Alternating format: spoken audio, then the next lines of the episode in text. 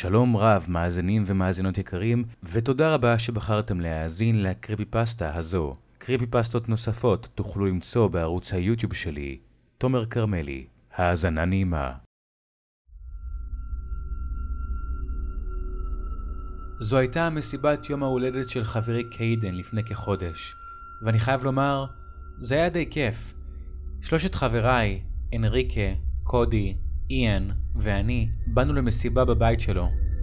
נסענו לשם ביום שישי ונשארנו ללילה. שיחקנו במשחקי וידאו, אכלנו עוגה, והכי טוב, שתינו כמות מוגזמת של סודה. היה כיף עד השעה שלוש לפנות בוקר, כשאבא שלו סוף סוף אמר לנו להיכנס למיטות ולישון. עשינו את הדבר הראשון, אבל לא את השני. הוצאנו כמה שקי שינה ופשוט דיברנו עוד כשעה. התבדחנו, דיברנו על כמה דברים, ואז עלה הנושא של ונדיגו. הוונדיגו הוא שד קניבל של המיתולוגיה האינדיאנית. האמת שיצא לי לכתוב עליו סיפור קצר ומפחיד בשיעור הכתיבה היצירתית שלי בבית הספר. נתתי לחברים שלי לקרוא את הסיפור יום קודם, והם אמרו שזה מפחיד, אבל הם פחדו יותר מהתמונה שבעמוד השער מאשר מהסיפור עצמו. התמונה באמת הייתה מפחידה. היא הציגה את דיוקנו של ונדיגו, ראש שעשוי מגולגולת של צבי, שהונח על גוף דמוי אדם, עם זרועות ואצבעות ארוכות וצרות, ורגליים ארוכות וכפופות, עם פרסות כמו של סוס. גופו נראה כאילו נרקב, כאילו הוונדיגו היה גופה, ודם טפטף משיניו הארוכות והחדות. הנריק אהב את העובדה שהוונדיגו כל כך הפחיד את קודי ואת קיידן. הוא צחק עליהם על כך שהוא יצא מתוך הלילה וישתלט על הנשמה שלהם ויהפוך אותם לרוחות קניבליות. אה, תשתוק! הם אמרו להנריקה. ברצינות, שתוק! חשבתי שכל העניין הזה היה ממש מצחיק, כי, מן הסתם, לא היה דבר כזה ונדיגו, אבל ידעתי שהם מפחדים. קיידן הביט בחלון עם התריסים הפתוחים וחשב שהוונדיגו יבהה בו מבעד לחלון, אבל הוא פחד מדי מכדי לקום ולסגור את התריסים, אז אני סגרתי. הנריקה המשיך לרדת עליהם. הוא הוציא את המחשב הנייד שלו וחיפש בגוגל תמונות של הוונדיגו, ואז הוא נכנס לדף הוויקיפדיה של הוונדיגו, והוא קרא בקול רם.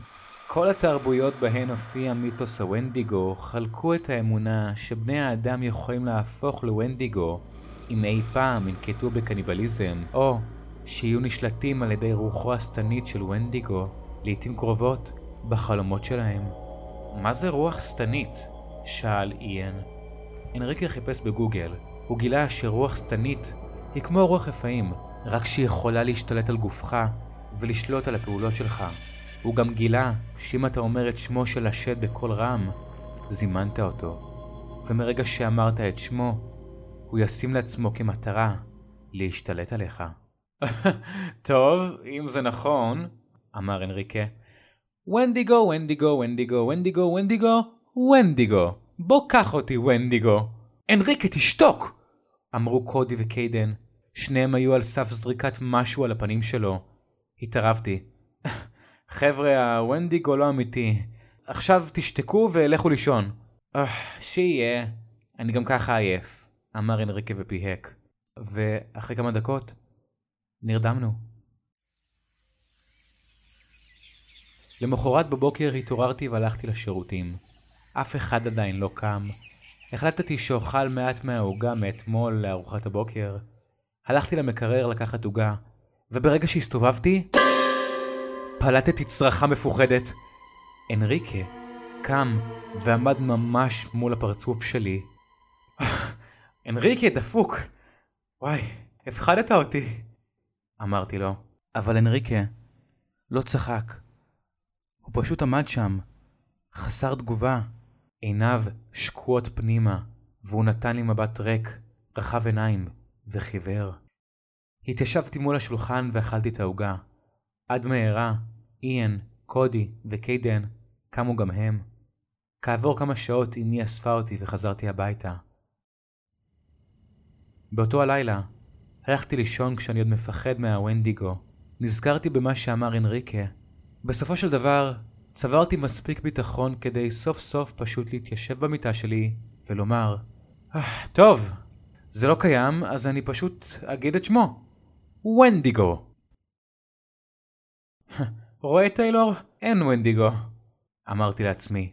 ואז, לפתע, שמעתי רעש גירוד על דלת חדר השינה שלי. זה התחיל שקט מאוד, ואז נהיה חזק יותר ויותר. אוי אלוהים, אוי אלוהים, מה עשיתי? רעש הגירודים היה כל כך חזק, שחשבתי שמה שזה לא יהיה מאחור עומד לשבור את הדלת שלי. לבסוף, קמתי מהמיטה שלי והתקרבתי לדלת. כשהתחלתי ללכת לכיוונה, השריטות הלכו והתגברו. היד שלי, סנטימטרים מהידית, היססה לפתוח את הדלת. מהרגע שהיד שלי הייתה סנטימטרים ממנה, עד שסוף סוף פתחתי את הדלת, הרגיש כמו נצח. סובבתי את הידית לאט, ופתחתי את הדלת. ולא ראיתי כלום. שמעתי נביחות, והבלטתי למטה וראיתי את הבולדוגית שלי, סקאי. נשמתי לרווחה, ונתתי לסקאי להיכנס פנימה. ביום שני חזרתי לבית הספר. בית הספר שלי הוא בית ספר פרטי עם קוד לבוש, ובאותו יום ספציפי קיבלתי ריתוק בגלל ששכחתי לשים את החגורה שלי. למחרת היה לי אימון כדורגל חשוב, אז ידעתי שאני צריך להישאר בריתוק באותו היום. היום התנהל כרגיל, אבל בשעה שלוש נאלצתי ללכת לחדרה של גברת פוסטר לרצות את העונש שלי. הייתי היחיד בחדר איתה. אחרי כמה דקות, היא אמרה לי שהיא חייבת ללכת לאנשהו רק לרגע. בסדר, אמרתי. כעבור דקה, ראיתי את אנריקה מחוץ לדלת, והוא נכנס. אנריקה, מה קורה? אמרתי, שמחתי שהוא היה שם. הוא הביט בי באותם פנים חברות שהיו לו קודם לכן. אה, אתה... אתה בסדר, אחי? שאלתי אותו. אין תגובה. הלו? לפתע, הוא הלך לפינת החדר ופשוט ישב שם. אנריקה! אמרתי, ולאט לאט נעשיתי לחוץ. אנריקה! חזרתי וחזרתי. אנריקה, אחי! אתה מתחיל להלחיץ אותי! לפתע, הוא הרים את מבטו לתקרה ופתח את הפה. יצא ממנו קול חייתי, כאילו עיוות של בן אדם וצבי מדבר מתוכו. מהפחד התחלתי ללכת לאט לאחור. הוונדיגו נכנס בתוכו, ואז הוא ישר מבט לעברי. הוא בהה בי עם עיניו הריקות. שברתי את החלון בכיתה וברחתי משם.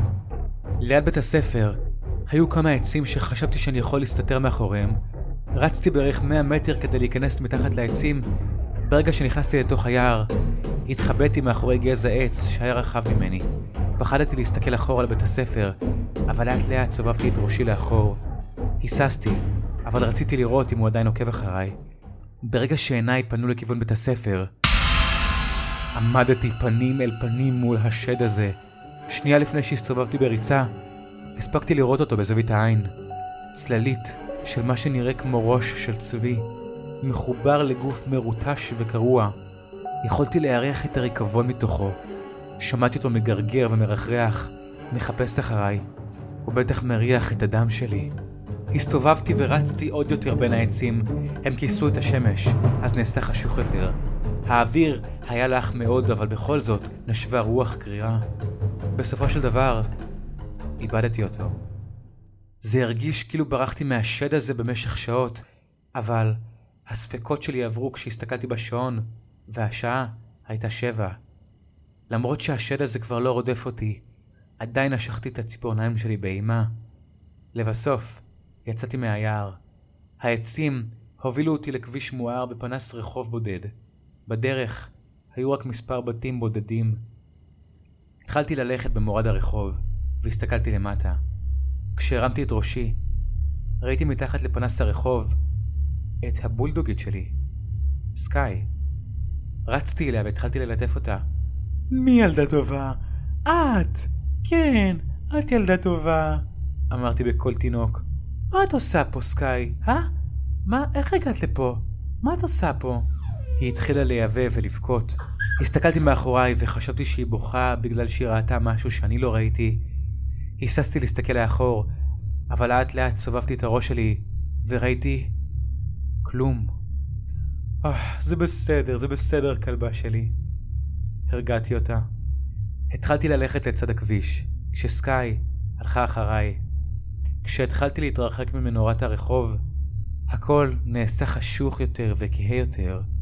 בסופו של דבר, ראיתי פנס רחוב אחר, ואחריו המשכתי ללכת וראיתי אור אחר בהמשך. לבסוף, חלפתי על פני חמישה מהעמודים האלה, ומתחת לאור, הסתכלתי על הזמן בשעון שלי.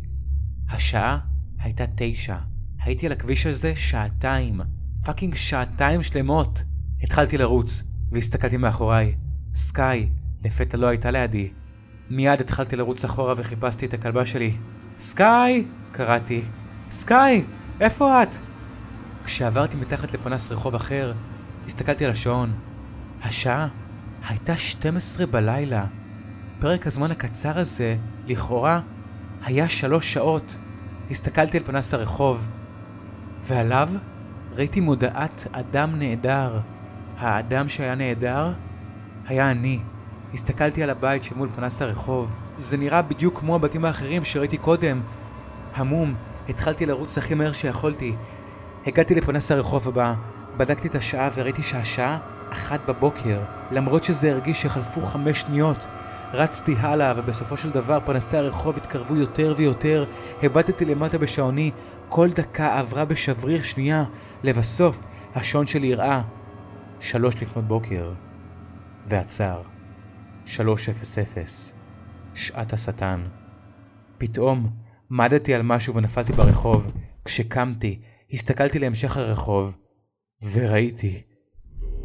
ראיתי זוג רגליים גבוהות מאוד. הסתכלתי למעלה, ראיתי אותן מתחברות לגוף דמוי שלד עם זרועות ארוכות ואצבעות דקות, ועל גבי הגוף ההוא, ראש של גולגולת של צבי. הוא אמר בקול גס ושטני, בוא הנה. הגוף שלי קפא, וזה התחיל להתקרב עוד ועוד. זה היה ממש מול הפנים שלי, אבל אז השרירים שלי חזרו להגיב. נפלתי חזרה למדרכה, עצמתי את עיניי ורק קיוויתי שאצליח לשרוד את זה. וברגע שפתחתי אותן, היה בוקר. מיהרתי לחזור הביתה. אמא שלי שמחה לראות אותי. טיילור, התגעגענו לך כל כך, איפה היית? היא אמרה כשנכנסתי. היה קשה להסביר ולספר לה מה קרה, אז בחרתי שלא לספר. תגיד, אתה יודע איפה אנריקה? גם הוא נהדר, כבר כמה ימים, היא אמרה לי. ופשוט עשיתי לו עם הראש. אנריקה מעולם לא נראה שוב. איש אינו יודע מה עלה בגורלו, אבל אני כן יודע. גם הוונדיגו לא הפסיק להופיע. בלילה אני שומע כל הזמן לחרישות באוזן, דפיקות על החלון, ולעיתים נדירות אני חושב שאני רואה מבעד לחלון את הצללית של אנריקה, עומד בגוף רפוי, פונה לעברי ופשוט מחכה לי. יש לי סיוטים עליו, אבל לפני שהיצור הזה מצליח לתפוס אותי בחלומות שלי, אני תמיד מתעורר, אני תמיד נלחם על חיי. טוב, אני לא הולך להילחם על זה הלילה, כי אני סיימתי להתמודד עם הוונדיגו. אה, ודבר אחרון, אם אתם חושבים במקרה שכל זה סוג של בדיחה, רק תנסו להגיד את שמו. כן, נסו, ממש ברגע זה. תגידו את השם שלו, אם יש לכם אומץ. אני אחכה. אמרתם? אוקיי. החכמים מכם בוודאי שמרו על שתיקה, אבל כל השאר, פשוט תסתכלו טוב טוב מהחלון שלכם הלילה. טוב, במחשבה שנייה, עדיף שלא, לטובתכם.